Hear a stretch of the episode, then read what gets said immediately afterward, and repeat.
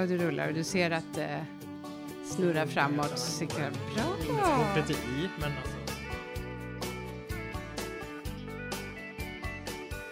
Karin, du har varit ute och eh, testat att eh, undvika Tinder och fl- flörtat på stan.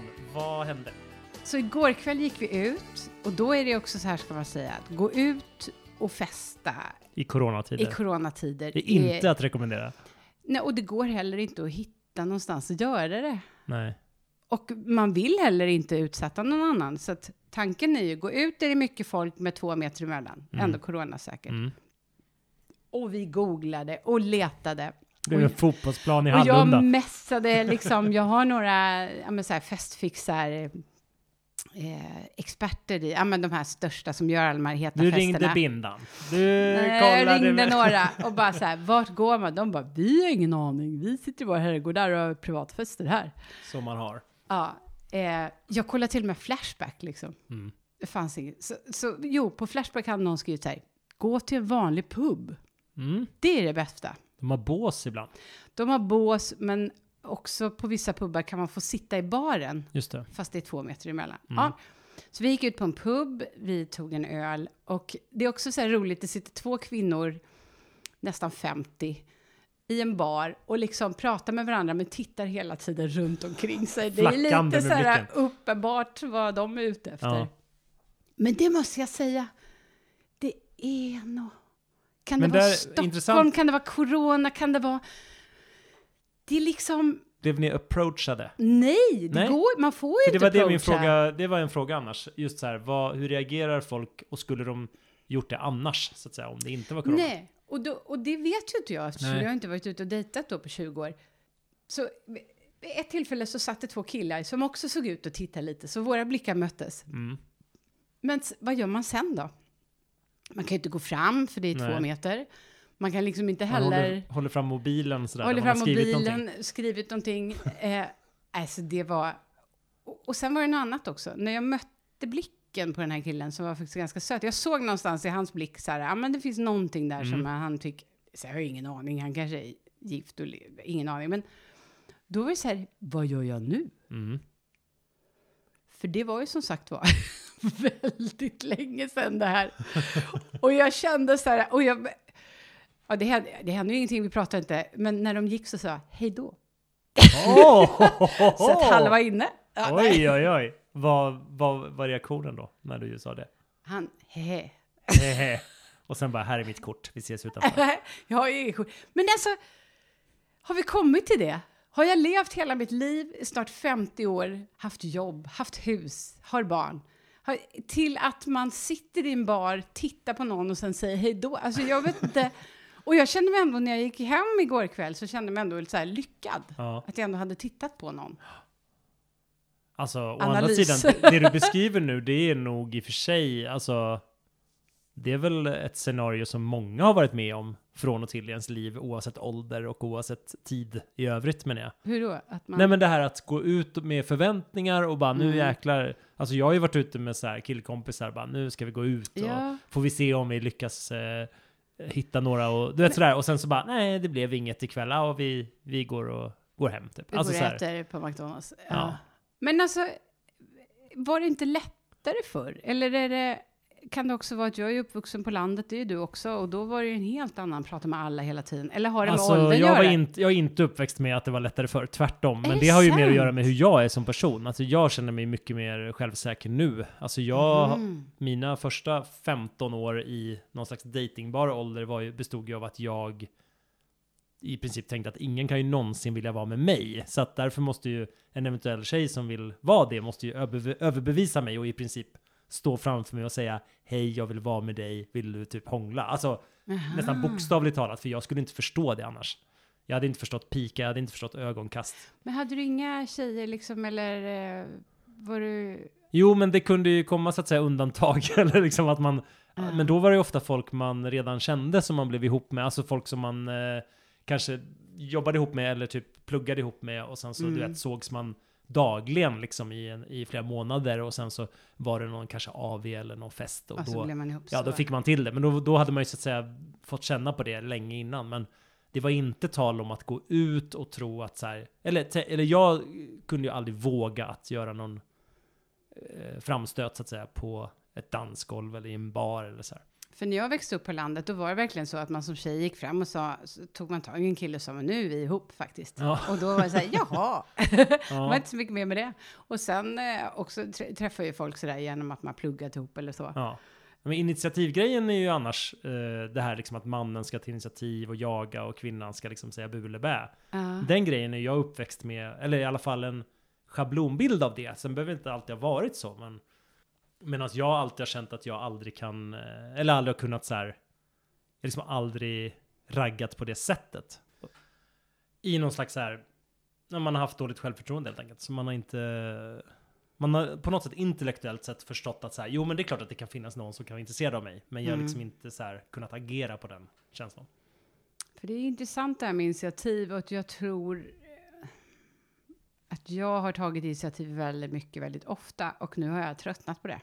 Jag upplever att alla mina tjejkompisar eh, upp, känner samma nu. Bara, nej, nu får någon annan ta lite mer initiativ också. Kan det vara en grej nu att det är svårt för folk att träffas? För ingen tar initiativ. Ute så att säga, inte på nätet utan Ute? ja. Man pratar inte med varandra och det är ingen som tar initiativ att... Hade det här varit i USA, jag har ju bott i USA, Mm. där tar ju killar initiativ hela tiden, nästan för mycket. Du Mm. vet, det räcker med att du går och fikar och sen så kommer, precis innan man går så, så kommer någon bara, här är mitt telefonnummer. Ja, nej, men det, Ring och mig. det har ju jag alltid förknippat med någonting dåligt. Att så här, att vara klängig, att vara påflugen, att vara oönskad, att vara en sån som tränger sig på och vill ragga mot någon som överhuvudtaget inte har uttryckt att Ja, de är är intresserade. det. På ett sätt är det det. På ett sätt kan det vara jobbigt. Men på ett sätt kan det också, jag tänker så här, hur... Ja, nej, det är svårt det här spelet. Men det klassiska är ju så här som, Åh, jag är en sån här fin kille som, ja alla andra håller på och försöker, försöker få den snygga tjejen, men jag vågar inte det, så jag är ju den där fina killen som är i bakgrunden. Och, du vet sådär att man liksom, Mm. man, man tycker att så här, ja om jag vore sådär burdus så kanske jag hade haft en chans också, men den där, den där coola tjejen hade aldrig ens fått syn på mig för att hon, hennes synfält består av de här liksom pushiga killarna som visar sig och har tillräckligt mycket självförtroende för att Alltså nu menar jag, det här är ju så en schablonbild som jag Ja. växte upp med, där liksom Där det var verkligen så här, okej men Du har ingen chans och det, det har ingenting att göra med ditt utseende eller din liksom Din person, det har bara att göra med din attityd att så här, Eftersom du inte så här raggar aggressivt Så kommer den där tjejen du är intresserad av inte ens se att du finns, för det finns så många andra som är liksom Som gör det Och det har ju varit så här en Både en så här snuttefilt och också, Mm. nå- och också ett faktum så att säga. Det är lite både och men men, Men hur upplever man så killar? För ni måste ju ändå känna att vi egentligen vill att ni är mer på. Alltså ni måste ju Ja. ändå känna... Det är en hårfin balans för alla som... Du, så måste ju du själv, själv känna att så här, om någon är... Det är klart att du vill att en person som du är attraherad av eller vill vara med är på. Alltså det är klart Mm. du vill att den personen är på. Men du vill ju inte att 99% av de andra är på som du inte är intresserad av. Nej, det är så det är det sant. där liksom urvalet att säga, jaha, ska du...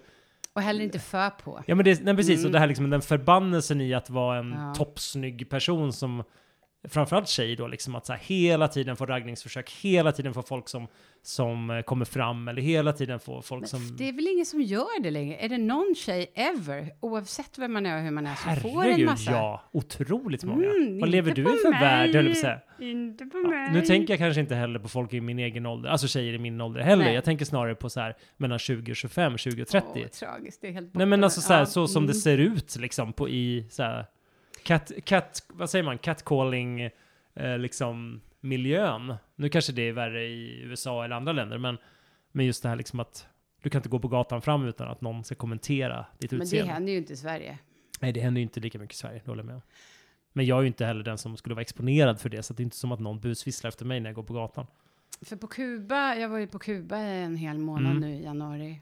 Och där var det ju det otroligt intressant land. Hemskt och underbart i en jättekonstig mix. Men mm, de hade ju en väldig machokultur då. mm, Men det var ändå en väldigt säker, alltså det det var aldrig några antastningar, man kunde gå. Jag gick ju själv liksom på natten hem i mörker klockan två, ingen fara. Men däremot så är det ju hela tiden, ja, just det. Va, det är en centimeter så, och även, man kunde vända sig om så satt en 90-årig man där och Mm. satt och Mm. Eller en femåring, för det var Mm. liksom deras sätt att hela tiden Grooma. grooma. Och första liksom, dagarna var bara åh! Ja, just man, det. det. man är ju inte så bortskämd med det Nej. liksom. Men sen eh, att vara där en månad och höra det hela tiden, det blev liksom... Men det är lite det jag menar med så här, vill du verkligen ha den där uppmärksamheten från alla? Nej. Eller vill du ha den från dem du, Det är klart att du vill ha den från dem du är intresserad av. Ah, så jag kanske måste välja. Det, Du vill ju att han killen, killen som du sa hej då till, han kan ju få komma fram till baren. Ja, just det. Men du vill inte att alla killar på hela den puben kommer fram och säger Nej, någonting. det är sant. Och då blir det något... För det fina med Sverige som är så underbart är ju ändå att det finns en jämställdhet, en jämlikhet, att kvinnor och män på något sätt ändå är på samma våning oftast liksom. En relat, precis, en relativ jämställdhet Ja. i alla fall. Eller ja, liksom, men visst, ja. och det är absolut inte det på långa vägar. Men det finns ändå liksom någon slags balans i hur man ser på varandra. För på Kuba skulle ju inte en tjej kunna närma att Spelet där är ju, alla killar håller på hela tiden. Som tjej så är du så jävla aggressivt Mm. motstånd. Så att liksom de får också kämpa tills de inte får stryk liksom, Mm. av tjejen. Verbalt eller med ögonen eller vad man ska säga. Det var liksom spelet och det är ju enormt påfrestande Men också. i den klungan så hade jag ju stått längst bak Ja. så att säga och bara, äh, det är kört ändå. se. Det är, ingen, inte ens någon idé att försöka. Fördelen är ju då i Sverige som tjej till exempel, det är att man faktiskt också kan ta initiativ. Och det har jag Mm. ofta gjort liksom. Mm. Jag, även på senare år har jag sagt så här, hörru du, Mm. du, nu, Du, och där i hörnet. Du, Du. barnens pappa var lite så. Ja, jag ska ha dig och du. Ja, hörru du, jag tror att vi ska leva tillsammans och två barn. Jaha, Oj. ser du det så? Pilsnerfilm. Ja. ja, men så, men visst, så är det ju. Sen finns ju ändå, och det är också så här, hur jämställda vi än blir, hur mycket vi än älskar det, så sitter jag med, var på en tjejmiddag nyligen, det är kvinnor, de är chefer för banker, liksom så här topppositioner, otroligt kompetenta kvinnor som driver och fixar och har liksom allt sitt liv. Och det enda de önskar, det är att det ska komma en man Mm. och ta initiativ. Ska den mannen vara statusmässigt eh, above them? Eller ska den... Nej, det är inte säkert, men de Nej. längtar efter det här initiativet och då försöker jag också säga så här, men ni i eran kropps språk och liksom allt ni kommunicerar så kommunicerar ni att det är jag som styr Mm. och tar kontrollen. Mm. Och det var för övrigt så för kubanska tjejer, jag frågade till sist där, hur fasen gör man för att inte bara liksom bli helt... Jag ville, jag ville åka hem, avbryta Mm. resan till sist, det blev för mycket. Och Mm. då sa de så här, gå så får jag se hur det går. Och så gick jag. De bara, men herregud, du går ju som om du bjuder in till. Och då menar jag inte att jag gick och svängde på höfterna, Nej. utan att jag gick så aningslöst och så fort de bara, så tittade jag, hej, Ja, hola, ¿qué tal? De bara, nej, nej, nej, attityd, attityd. Och den Du attityden... måste se ut som en bitch, titta rakt fram och bara Ja. med raka steg gå ja, därifrån. Liksom. och typ så här, om jag säger mm, så får jag en rak höger. Liksom. ja. Men vad jag kan uppleva är att många svenska tjejer faktiskt eh, har den här, jag kan, jag klarar mig, jag har, behöver Mm. ingen man. Men det vore skönt med någon som tog initiativ. Man, Och kanske satt upp en tavla också.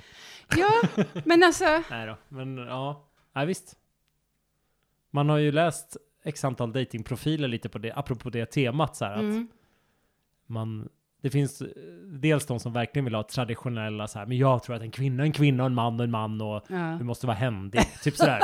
Och då bara, okej, inget för mig känner jag då. Men, Nej. men också att även de här som kanske har lite modernare, att det är den där dubbelheten. Och det tycker inte jag är konstigt. Det är klart att, men jag tror också att det är ett, det är ett allmänmänskligt behov att vilja vara omhändertagen.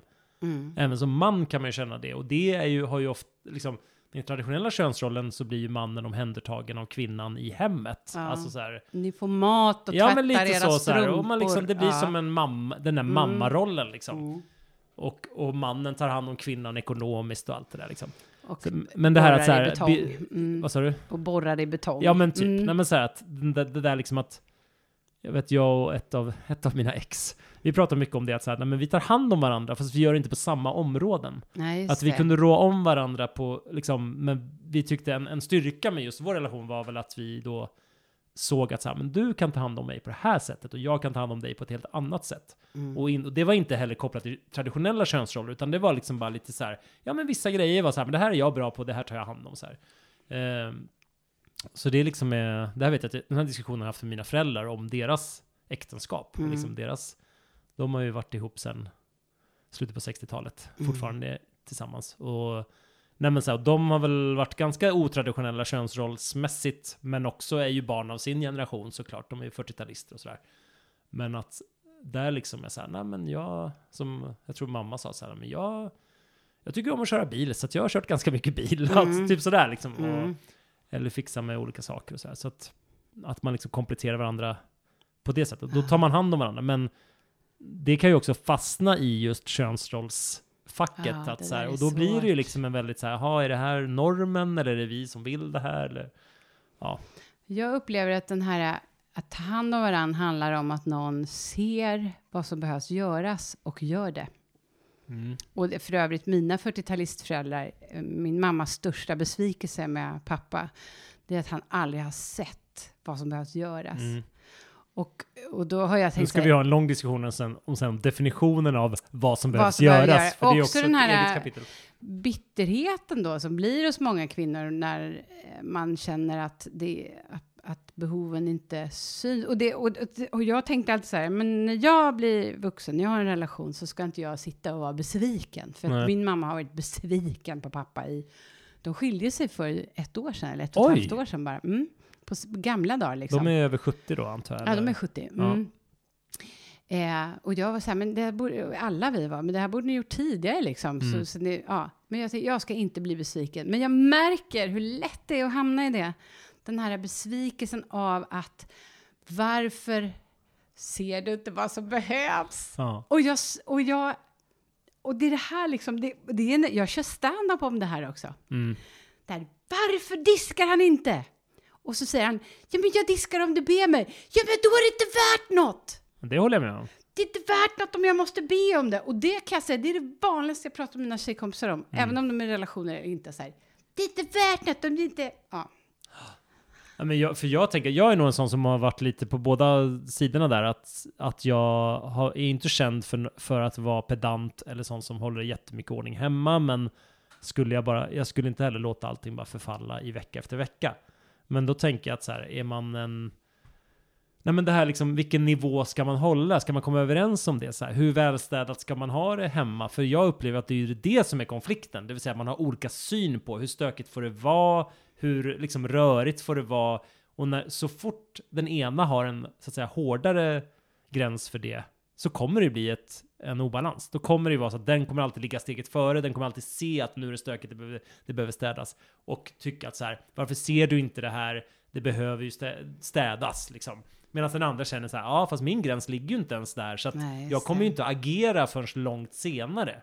Det är ju Men har du känt dig- Det är en evig, dis- evig diskussion. Men har du känt dig anklagad då? För att män som grupp blir ju också så här, anklagade för att inte ha koll i hemmet. Ja, nej men jag har ju levt själv så himla många år så jag känner att så här, nej men jag har inte blivit, jag känner, de gånger jag har levt ihop med någon så Mm. känner jag väl att så här, åh, jag tycker inte att det har varit ett av de största problemen faktiskt. Det har Nej. inte varit så här städning. Däremot så vet jag att eh, vissa har ju varit så här, ja, men för att rädda vårt äktenskap så har vi städhjälp. Alltså bara så här, Ja, även fast de inte har speciellt hög lön eller så här, så tycker de att så här, det är värt det för att slippa just den delen av vår liksom, relation. Så här, att ta in någon som grovstädar då och då liksom. Jag tänker bara ge tips till alla män så här, och det är ändå väldigt, väldigt, väldigt, väldigt många som missar den här kvinnors syn på, Mm. åh om jag, alltså Och vill kvinnorna ni- håller ju såklart stenkoll på när bilen behöver Ja. lämnas in på service och Absolut. när, Nej, när, när däcken ska bytas nej, till nej. sommardäck och... Ja men jag menar det är precis samma sak. Så här, skulle, skulle, det Jo, här, jo, det här är men- ju så, det är så trött och gammal diskussion på ett sätt. För det är ju Jag precis vet. det, vi, det Men som jag alla håller menar på att det med. men- fortfarande är så. Vill man ligga så Mm. går man och diskar. Mm. Alltså det finns ingenting som gör en kvinna så upphetsad. Och det är, det är så jävla sorgligt också. För jag känner så här, jag är, jag är ju den traditionella mannen i relationer egentligen. Mm. Så det kan vara, inte diska, men nå- alltså att ta den andras uppgifter och göra dem. Mm. Så att den andra får slappna av. Det finns ju inget bättre. Jag kommer ihåg när, när, nu inte jag, jag var inte och jag är inte tillsammans med mamman till min dotter, men när min dotter föddes Mm. och tiden därefter, då gick jag in i så här support mode. Mm. Och då var det ett jävla spring. Det var verkligen Ja. så här, jag såg ju som att min, min enda livsuppgift var att här, springa upp och ner och hämta grejer och göra är mat. det. Och så här. Ja men så här. Och superfint. så tänkte jag, "Jaha, här är en bra och konkret uppgift jag kan lösa liksom. Mm. Nu menar jag inte att jag skönmålar mig själv, men just att det blir så konkret då, det här med hjälpen. Att så här, Å andra sidan, då, har ju den, då är ju den andra personen i princip ett hjälplöst tillstånd. Eller man har ju väldigt mycket, eh, liksom det är amning och det är Ja, sömnbrist och allting. Så att på så sätt så blir det ju enkelt att prioritera. Medan de, om båda hade varit så att säga jämställda i form av att båda hade varit friska och starka och jobbade lika många timmar per dag och allt det där liksom. Då blir det ju svårare att hålla den där balansen kanske. Men, men ja gud. Jag vet Och sen en shout-out då till kvinnor som liksom just också stod och vrålade där vid disken. Att när bytte ni vinterdäck senast när Ja. ni hade koll på bilen? För det är ju precis samma sak så här. Att hjälp, alltså om man ska avlasta varandra så handlar ju inte det om att laga extra god middag. Om du alltid Nej. lagar middag, utan då handlar det faktiskt om att göra det andra. Och säga, ja men jag gör ju ändå 80 procent och många kvinnor gör ju mycket, mycket mer i Mm. hemmet. Mm, Men att visa då, det är bra att visa, så här blir det när jag hoppar in och gör ditt. mm. Det här är ju en trött diskussion och en svår diskussion. Ja det känns ju så. Det, är- det är Men en det är också- evig diskussion liksom. Ja, men det är intressant, för med barnens pappa, han lagar ju all mat. Han var jätteduktig på det och gjorde det jämt. Mm. Och jag älskar bilar, så jag har ju alltid haft hand om bilen och också alltid kört. Mm. Och det är intressant då, för mina barn då, de är ju 15 och 17 nu. Min dotter, hon bara, nu får jag börja övningsköra, när hon Mm. var 16. Så hon har alltid övningskört. Och hon Mm. har alltid sagt, jag ska ha körkort så fort som möjligt. Och det har aldrig varit någon diskussion. Sonen, han började laga mat när han var 10-11. Mm. Just det. Därför att i deras värld, det de har vuxit upp med är pappor lagar mat, Mm. mammor kör bil. Mm. Och även i pappans nya relation så är det han som lagar mat. Ja. Och det är så kul, för de har inte ens, de har inte ens fattat att i andra familjer så är det mamman som lagar Ja, mat det. oftast. Utan det finns liksom inte i... Nej. Det är jättekul att se. Det är intressant då med, med eh, som i mitt fall då, när man Mm. separerar eller lever ifrånskilt i så tidiga år. Mm. Min dotter är ju bara två år liksom. Hon Just kommer ju växa det. upp med att båda föräldrarna kör bil och lagar mat. så Ja, säga. just det. Det är ju det På bästa. varsitt håll. Jo men så här, man gör ju allt. Så skiljer. ja, så skiljer, precis, skiljer och stå ensamma och starka och strunta Men i kan det du där. inte berätta om den historien igen? Alltså, ni träffades som, på Tinder Ja. och det var en sommarflört. Ja. Hon eh, pluggade i Sundsvall. Mm. Och, men, men jobbade i Stockholm över sommaren. Det var därför vi, vi sågs ju här i Stockholm liksom när vi, på, via Tinder. Det var verkligen bara en så här, en, ja men en, du vet så här, sommarkvällar. Man bara matchar och så pratar man om att ses och så råkade det vara så att båda var på stan och liksom hade, var, ute med kompisar samtidigt så möttes vi upp liksom. Och träffades några gånger. Ja, träffades några gånger, fem, sex gånger och, och sen så var det liksom... Men det var inte så här, åh nu är vi ihop, utan... Nej, och det här var ju typ i slutet, jag tror att det började väl mitten, slutet av sommaren, så att det var ganska nära att hon skulle eh, börja plugga, liksom flytta tillbaka upp till Sundsvall och börja plugga liksom igen Mm. sitt sista år. Och då, eh, så det var ju bara så här, ja ah, nej men vad härligt och vi, alltså verkligen inga så här, inga hard feelings, inget dramatiskt uppbrott, utan mer så här att Ja, men om du kommer till Stockholm igen eller om vi springer på varandra. Alltså det är så här, Mm. vi, hade, vi fortsatte ha kontakt, eh, liksom Mm. även efter att hon hade Och, vi hade så att säga skilts åt så. och sen Och sen, upptäckte hon. sen kom vi lite så här, mått så dåligt på sista tiden. Och så här, mår illa typ på morgnarna och Och hur långt hade det gått då i graviditeten? Vet du det? nej, det vet jag inte. Det måste ju, jag menar, eller det vet jag ju eftersom så här, det var ju bara någon månad efter att vi hade sett så att jag menar, Ja. det var Och hur var nytt. det samtalet? Ringde hon eller? När vi chattade oss fram till att, inte på Tinder, men på Messenger typ att så här, jag vet inte. Vi, pra, vi messade fram och tillbaka och jag bara så här, okej fast det du säger nu låter ju som att du är gravid, liksom. Ja. Typ, ungefär så. Och så köpte hon test och kollade och så testade två gånger och så här. Ja, Och så hon var ju det. Ja. Vad hände då? Alltså, det var ju, ja, det var väldigt så här. Jag tror att det, min attityd sen tidigare, långt innan jag träffade henne, var liksom att så här. Jag ville ju inte ha barn eller Nej, det du var har till och med suttit i så här Ja morgonsoffa precis, jag på officiellt SVT. ville Ja. inte ha barn. Nej, jag hade jag liksom vill inte ha barn. Varför drivit- inte då? Nej men jag hade ju inget som helst barn, ingen som helst barnlängtan, Nej, men inget vad fan har sug. det när man får barn? Ingen som... Många, gud! Det finns en hel värld där ute med folk jo, som har jo, barnlängtan. men många av oss är också så här, ja, barn borde man väl ha, men Ja, men det var ju just det beteendet som jag var väldigt kritisk till, apropå så att följa normer. Att jag Mm. kände så här att, okej, alla går runt och gör en grej som typ inte alla verkar hundraprocentigt så här vilja. Typ. Nej, och sen är det när man skaffat barn och inser så här, shit, jag har sabbat hela mitt liv, då vill man ju dra ner andra i skiten och bara, ska ni inte skaffa barn? Så Det- det, är en så här sig, tyst överenskommelse. Jag hör vad du säger, jag känner Mm. mig inte igen mig i den bilden. Jag känner Nej. inte igen att jag själv skulle vilja det nu till exempel. Nej. Däremot så är jag, är jag, säger jag till folk som inte har barn och säger, som säger att de någon gång vill ha barn, Mm. då säger jag bara så här, starta nu, kör nu. Ja, just det. Alltså, vänta inte. Utan vill du, har du känn, känner du inom dig att så här, om du vill ha barn, ja för fan gör det liksom. Gör alltså det. typ så, det säger Ja. jag. Men jag skulle aldrig vilja övertyga någon som, som är tveksam. Men tvärtom. vadå? Så att du har alltid tänkt, fast du inte vill ha barn, så har du tänkt vadå? Sa du? Nej, jo, men jag tänkte så här att ja, men min grundinställning var så här, jag vill inte ha barn. Jag var tydlig med det även då, via på Tinder. I min Mm. profil skrev jag uttryckligen att jag inte längtade efter barn. Liksom.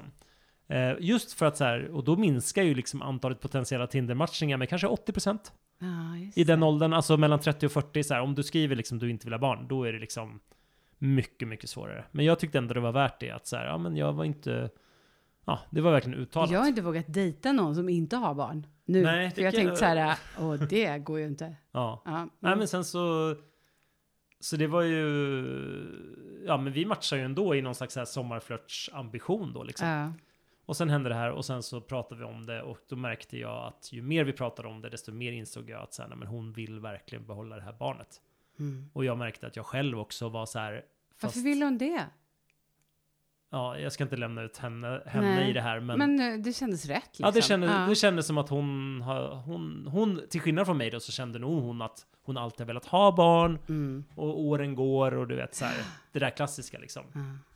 Ja. Eh, sen är inte hon jättegammal, men hon är inte 19 heller. Alltså du vet Nej. sådär. Så att, ja, och jag kände väl att ju mer vi pratade så insåg jag att så här, okej, det kan bli så att hon kommer behålla det här barnet oavsett vad jag vill. Mm. Och till och med alltså, ta hand om det själv eller något sånt där. Och då Mm. kommer en känsla som jag aldrig har känt förut, som är att vänta nu så här, ska någon ta mitt barn Ja, och bara just det. försvinna bort från mitt liv? Det, alltså jag hade ju verkligen en så här sliding doors ögonblick där jag kunde ha valt att så här eh, Du kunde dra mig försökt ur- att välja för att jag försökte ju välja, jag hade inte, nog ja. inte kunnat välja det så. Nej. Men säg, teoretiskt sett så hade jag kunnat Mm. säga så här. Okej, du verkar ha bra support från din familj och du kan ta hand om det här själv. Så här, jag köper det och så här, vi hörs. Typ. Mm. Eller vi hörs inte. Alltså typ sådär. Och det, det händer ju hela tiden att folk gör så. Jag har en kompis som så mycket väl vet vem föräldern är och så här, men som var, men där han inte ville ha barn och liksom, hon gick vidare själv. Det förekommer ju liksom. ja. Och så här, och ja, det kan man respektera. Men då kommer ju den här känslan av att så här, men vänta nu, så här, det här är ju ändå mitt barn också. Mm. Det är ju inte, det är inte mitt, mitt bara, men det är ju vårt barn. Och vad gjorde du då? Alltså hur... Jo, men till saken hör ju att jag kände väl inför henne också att mamman till mitt barn är en härlig och bra person. Vettig människa som jag kommer överens med och kände, alltså det visste jag ju redan då att så här, det här är ju inte liksom någon som jag har hamnat i konflikt med eller som är väldigt, att, att vi Nej. hade haft det krångligt eller något sånt Nej, där. men faktum kvarstår. Ni har träffats Ja, på Tinder, ni har haft en, en sommarflört fem, sex gånger. Ja. Hon bor i Sundsvall, du bor i Stockholm. Hon blir gravid. Ja. Du bestämmer att du såklart ska vara med på tåget. Men bara hur är upplägget? Ja, Alltså, nej, men hur- då, då, efter mycket om och men, eller mycket om och men, det var ju så här, tiden var ju, tiden var ob, vad säger man? Vad säger man? Ah, skitsamma. Det var, det var inte jättegott om tid, vi var ju tvungna att ta ett beslut ganska snabbt. Liksom. Ja. Och då var väl, första beslutet var ju så här, okej, vi, vi behåller barnet och hon flyttar till Stockholm och vi har barnet, vi bor ihop när barnet kommer. Och så får Men vi tänkte ni så här, oh, men då blir vi ihop, vi testar Nej, vi, tänk, relation? vi tänkte väl att så här, vi får se om vi blir ihop, men Mm. vi, vi bestämmer att vi håller barnet, behåller barnet. Det var ju det viktigaste att bestämma. Mm. Och så sa vi att så här, huruvida vi kommer vara ihop eller inte, det får vi liksom ta längs vägen. Så, Mm. så sa vi att så här, vi har bara bestämt att så här, nu kommer det här hända liksom, och nu Mm. kommer vi tillsammans ta hand om det här Förlåt, barnet. det här är som en film liksom. Ja. Ja, Det ju det. kändes ju så. Jag kände väl också så här att för mig så var det en väldigt så här polett, inte poletten trilla ner i form av att så här, åh, jag har alltid velat ha barn, utan mer så här att i livet passade det ganska bra, för jag hade haft ganska, jag hade haft några jobbiga år med väldigt mycket så här, det lite utmattningsdepression, nära att gå in i väggen, bytt jobb, landat på det nya jobbet, kände att jag var ganska så här, mådde Mm. lite bättre, hade liksom en bra period bakom mig. Så kände jag. Och, och liksom hade flyttat till en större lägenhet. Det var mycket sådana där saker som var så här, ja, just nu skulle det passa ganska bra att det kom ett barn. Alltså för Mm. att så här, mitt liv var liksom lite upplagt för det. Typ. Men hur gravid var hon då när du, när hon flyttade in hit? Ja, det var väl en månad innan förlossningen. Ja, det var så. Ja. Men vi hade ju då någon slags distansgrej där, där vi sågs och lärde känna varandra liksom under graviditeten. Ah. Åkte upp mellan Sundsvall och Stockholm ganska mycket. Så vi hade ju inte ens bott ihop då så mycket när barnet Nej. kom liksom. Utan hon flyttade ner där och sen så, ja. På den vägen är det. Nu bor vi ju inte ihop då sen. Ja, för ni bodde ihop de första åren. Ja, nu är ju, nu ska vi se här. Lite drygt ett år bodde vi Mm. ihop. Men hur Eh, gick det då? Blev ni kära? Nej, det blev vi ju inte. Eller så här, jätte... Jag För ska, jag tänker så här, det är så svårt, även om man skulle ha värsta kärleksrelationen, super, Ja. super, så är det ju ändå svårt med nyfött barn. Det är Ja. svårt liksom. Och då jag ska inte in- lämna ut henne, hon får, liksom, hon får ju tala för vad hon tyckte och kände. Jag vet bara att så här, vi, att jag, jag tror att vi båda var så att vi satte liksom det lite på vänt. Ja. Och det gör man ju, som du säger, det gör man ju även om man är ihop från början, att man, när barnet kommer, då är man ju ganska så här, så jag tror att känslan var väl snarare så här, ska vi bli ihop under graviditeten? Det var väl det Ja, som var det. liksom, för vi hade ju trots allt 9-10 månader som, där vi umgicks innan barnet kom. Hade ni dejtade lite? Ja, där vi, ja, men, jo, men så här, vi var ju i Ja. en dejtfas när, Ja. när graviditeten kom liksom. Och sen så klingar väl det av lite grann och lite så här, ju mer gravid hon blev och så här. Ja. Det jag har sett utifrån då som kompis, ja. även om vi inte träffas så mycket, det är en så här enorm ömsesidig respekt för varandra. Mm, det har vi nog. Som ju faktiskt är väldigt kärleksfullt. Mm. Det behöver inte vara romantisk kärlek, men det är Nej. otroligt fint och kärleksfullt. Det har ni haft hela tiden. Så här, Mm. ja, men, och också väldigt öppet på ett härligt sätt. För att det är Mm. många här som skulle ja, men liksom börja konstra till det, eller säga jag vill ha krav, så här, jag vill veta hur det blir. Ni var ju Mm. så här, vi tar det lugnt, vi ser. Vi blir inte besvikna om det blir, om det inte blir, eller liksom så här. Det har Nej. ni ju lyckats med. Kärleken till ett barn enar ju Ja. föräldrarna. Ja. Så det, ja, nej, jag är, alltså jag är fortfarande lite så här i chock över hur, hur liksom smidigt bitarna föll på plats. Ah. I alla fall i mitt perspektiv. Återigen, Mm. jag är bara ena sidan av det här, men Mm.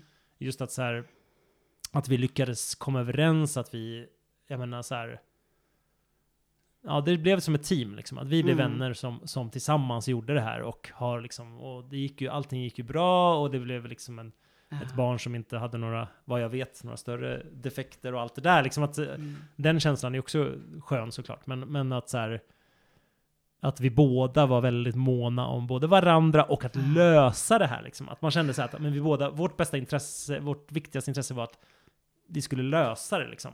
Men där är vi tillbaka till mitt, till min, mitt resonemang, min liksom teori och det är att var tid har sin kar eller var tid har Mm, sin partner.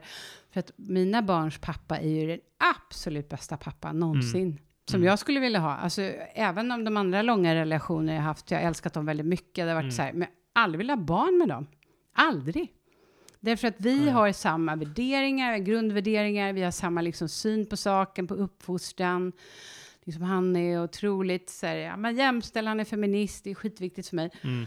Men sen så betyder inte det att jag tänker att jag, vi kan, alltså, ja, egentligen borde man göra så, man ska få barn med sin bästa kompis. För så var det ju, vi var ju, pluggade ihop i Lund. Och sen träffades vi tio år senare Ja, okej. och blev gravida jättesnabbt också, efter fyra månader. Mm. Och vi hann liksom heller aldrig bli en riktig kärleks... Vi var jättekära och så, men det Mm. kom så snabbt. Och ganska snabbt så blev vi kompisar i vår relation. Så Mm. hade vi varit ihop i tre år så hade vi hunnit bli kompisar och då hade vi inte skaffat barn. Men när ni hade fått två barn, Ja. då, det var ju inte som att det tog slut två sekunder efter det, utan då höll ni ju ihop ett tag till efter det. Ja, Eller? men det gjorde vi. Och jag är ju då en streber. Ja, jag biter ihop och kör på. Jag biter ihop och kör på. Ja.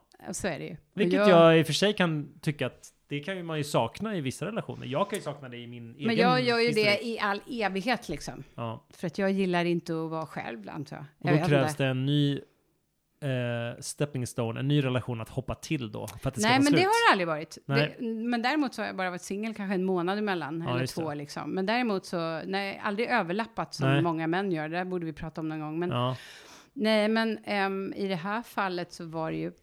den utlösande faktorn då som gör att man bara, Nej, men vi nu- gick i parterapi, vi åkte på... Vi åkte på så här, till New York på egen helg Mm. utan barnen. Vi gick först familjeterapi hos kommunen, sen hyrde vi en egen. Sen hade vi någon så här, har du sett Bonusfamiljen? Mm, Där de sitter med en kvinna och en man. Sånt gick vi. Det var så dyrt. mm, Det var så dyrt. Att det enda jag kunde tänka på när han så här skulle prata då, mitt eh, barnens pappa, som pratar så långsamt. Han är så här, analyserade bara, för fan, det här utlägget kostade liksom tusen spänn. Ja. Eller fem, jag kunde bara räkna ut hur mycket det kostade i sekunder. Ja. ja. Så det var ju så här, det hade gått så lång tid. Vi liksom, men jag tänkte ändå så här, ja men fan, är man tillsammans har man varit tillsammans, är man tillsammans. Mm. Men sen så träffade han en annan och kom hem och sa det att nu förstår jag vad kärlek är. Ja, och det okej. var klart fruktansvärt knäckande, Mm. alltså på alla plan.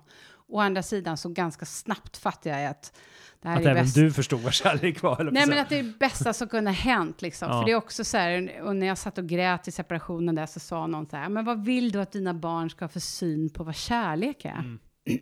vill du att de ska se på det du och barnens pappa hade som att det är det ultimata kärleken? Mm. Hur gamla var barnen och det då? vill jag ju inte. De var ju tre och fem. Mm. Och sen, det var ju han hade ju upptäckt vad kärlek var. De är Mm. gifta idag och har ett barn till. Så att det var ju liksom rätt. Och jag, är ju, jag hade aldrig tagit beslutet. Nej. Så jag hade ju suttit 85 år gammal, besviken. Ja, det är Besviken det är ju över att kärlek inte var sig. mer. Ja. Så att jag är ju, och jag tror liksom fortfarande än idag hade jag nog varit ihop med alla mina män om inte liksom det hade hänt saker som gjort att jag lämnat. ja, för det är ju inte eller- alltid du som har blivit dumpad så att säga, utan du Nej, har själv jag har också lämnat. lämnat. Men det har Ja. också varit så här, jag blir så överkörd och så trampad på så till sist är jag bara, men oj, Mm. så här får man ju inte göra. Alltså Nej. det har liksom verkligen, det har, sällan varit så här, nej men det här eh, känns inte bra. Nej. Utan oftast har det gått alldeles för långt. Du hör ju vilken, För mig förknippar jag sånt här med mina första relationer, alltså en vilsenhet kring så här, vad är okej och inte okej inom en relation och hur ska det kännas för att det ska kännas bra och vad, när, liksom, vad är varningstecken? Eller typ så här när man har tjafsat och bråkat så mycket att man knappt vet in och ut på vad som är vad och så här att, att jag när jag var yngre så kunde jag liksom hålla på mycket mer med det och mycket längre tid i liksom någon slags här konfliktzon liksom. Men sen så ju äldre jag blivit och ju fler relationer jag haft så bara, nej men jag orkar inte, det där orkar inte jag och för mig varje relationsslut, även om jag då tycker var, var tid har sin partner, så tycker jag att det tar längre och längre tid att komma ur och komma över och Ja. hitta någon slags, jag kan ju, Tyvärr är jag motsatsen. är det sant? Ja, gud ja. Tyvärr. Och, och nu, nu ser jag liksom alla mina ex sitta framför och bara, ja Fredrik, vi känner igen oss. Nej men så här att, att jag liksom har svårare att gå in i det fullt ut när jag blir, ju äldre jag blivit. Mhm. Har svårare att bli committad 100% svårare. Och också även när jag har varit committad, att när jag lämnar någonting så är jag lättare att bara bounce back. Liksom. För jag känner att det inte har fäst lika hårt som det gjorde när jag var så att säga ung och, ung och dum. Nej men ung och naiv och lite så här tonårsförälskelse-grejen. Att man blir helt utslagen av en relation. Men liksom. vad är analysen då? då? För jag kan vara lojal med, jag kan typ vara ihop med någon för att vara snäll. För att har jag lovat något så har jag lovat något. Jag kan, bli, jag kan vara ihop med någon, nu har jag haft så långa relationer, men så här, om någon, för att inte den ska bli besviken. Ja. Och det är det som har ställt till det för mig på Tinder. Ja, där jag det. är otroligt du, lojal. svarar redan på, all, det. du svarar på alla meddelanden. jag svarar på där. Ja. alla, jag försöker vara schysst Ja. och ärlig och sen så tycker jag så här, om någon vill träffas så ska man ju, ja, Ja, nej, det Kanske där var därför det där är ju att jag disaster. skulle ta disaster. Ja, gud. Jag tycker det var enklare på den tiden, man var i en liten by Ja. Och så, så Social visst, kontroll, alla höll koll på varandra och skvallrade som tusan. Nej, men också så här, alla hade koll på vem som passar ihop med vem. Alltså så här, man gjorde en så här check, check, check. Ja, men hon passar med den och så bara matchades man ihop och så var inte mer med det. De som blev över då? Ja, de fick bli ihop med varann. För Jag menar, idag hade de ju så att säga kunnat gått på nätet och kanske hittat någon i, i grannbyn istället. Jag är Idag ju så- ironisk. Det Jo, är bara för att jag inte alltså- gillar val och... Nej men säg, förr, Mm. förr så hade ju de varit så här outcasts och bara liksom inte kommit in i samhället. Nej, Så men är det ju fortfarande i viss mån. Det finns ju såklart Eh, nu har inte jag grävt ner, det har ju skrivits en del om det, men jag tänker på apropå online dating generellt så här med algoritmer och vilka du Mm. blir exponerad för och vilka du inte syns. Att så här, du kommer inte få se Alltså du kommer få se profiler som matchar ungefär dig Är det så? utseendemässigt. Ja, Är det så? det här har jag förstått det som att, att du, så här, du kommer inte få se de absolut fulaste på Tinder som kommer i ditt flöde. De kommer inte ens dyka upp i ditt flöde för, för att du är inte en ful person typ. Alltså det är så här, förenklat så är det lite så det funkar. Och det gör liksom att så här, vad heter det, maka söker kaka eller på så här. Nej men vad Kaka säger man? Att, maka. kaka, ja.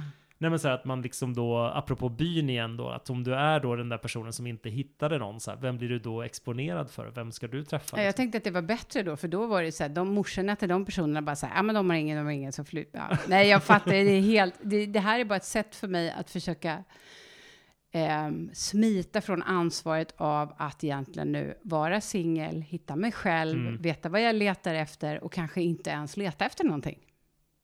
Och min, och min utmaning är ju att jag vet alldeles för mycket om mig själv och har alldeles för mycket Ja, jag har hittat mig själv alldeles för mycket. Förstår du vad jag Ja. menar? Att jag liksom är så här, Ja, du har en kravlista. Nej, Mm. jag har inte en kravlista, jag har bara en så här icke-lista som är så här att, varför, så här, why even bother? Aha. Varför ska jag ens försöka? Jag vet ju ändå att det kommer gå dåligt. Och, och jag är så här, ja, bara han har Bara ett han, leende. tvätt, bara han duschar minst två gånger i veckan och bara han rör sig. Ja. och vad siktar hemskt. på något billigt. Så att, ja, nej, gud. Ska vi sätta punkt där då? Ja, det tycker jag. Mm.